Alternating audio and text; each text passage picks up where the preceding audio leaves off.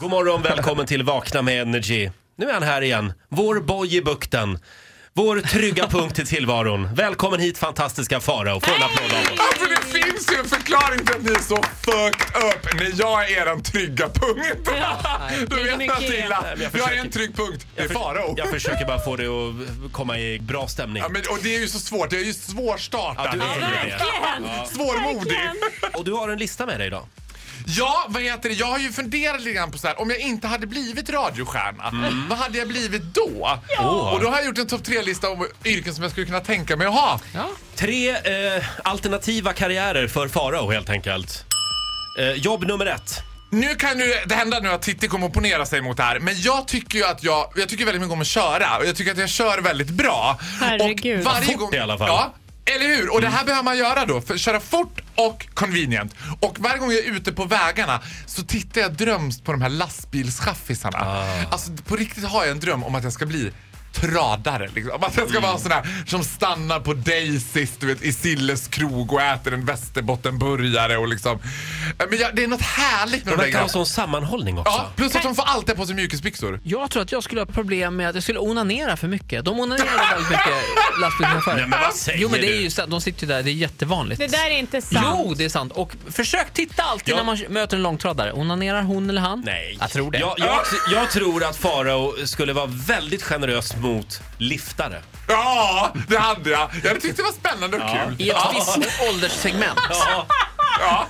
Allra helst om de är mellan 18 och 21. Farao, han skulle till och med ha en skylt på sin bil Ja. där det står liftare Du behöver sökes. lyfta. Lyfta Då är det ja tack! Ja, tack. Honk, I'm horny.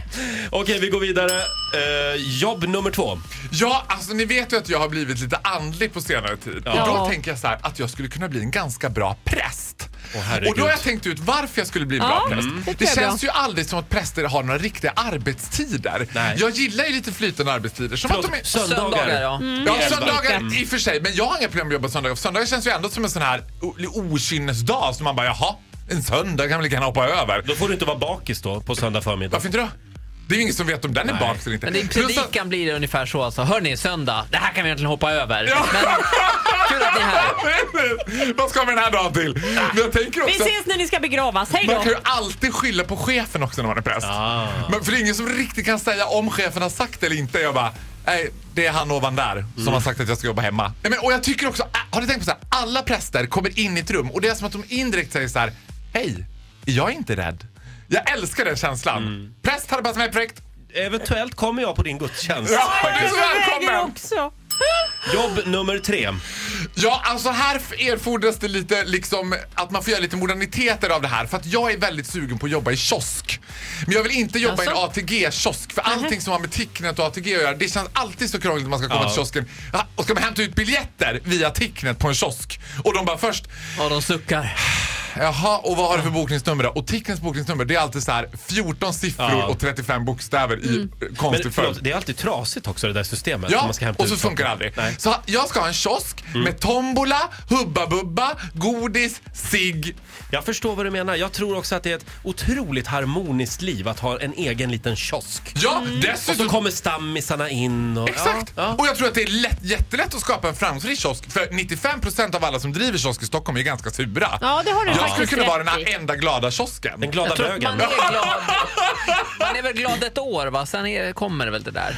Vad då? Vad kommer menar Ja men det du? sura. Nej! Men min, det ska ju det min kiosk ska heta också. Älskling, vi stannar till vid glada bögen innan vi åker till Lennart och Sofie. Kan inte jag få jobba extra då? Jo, det Då kan är vi du två få. Ja. glada bögar. Ja. Eh, En glad bög och en, ja, en annan bög. En, en okej. Någon måste ju stå och skälla ut ibland kunderna som inte Du, jobbar också. Roger kan vara på laget. Roger!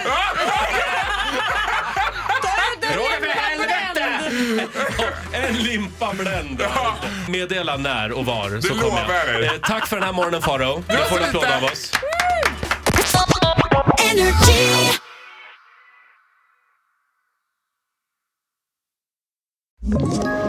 Ett poddtips från Podplay. I podden Något Kaiko garanterar östgötarna Brutti och jag, Davva, dig en stor dos skratt.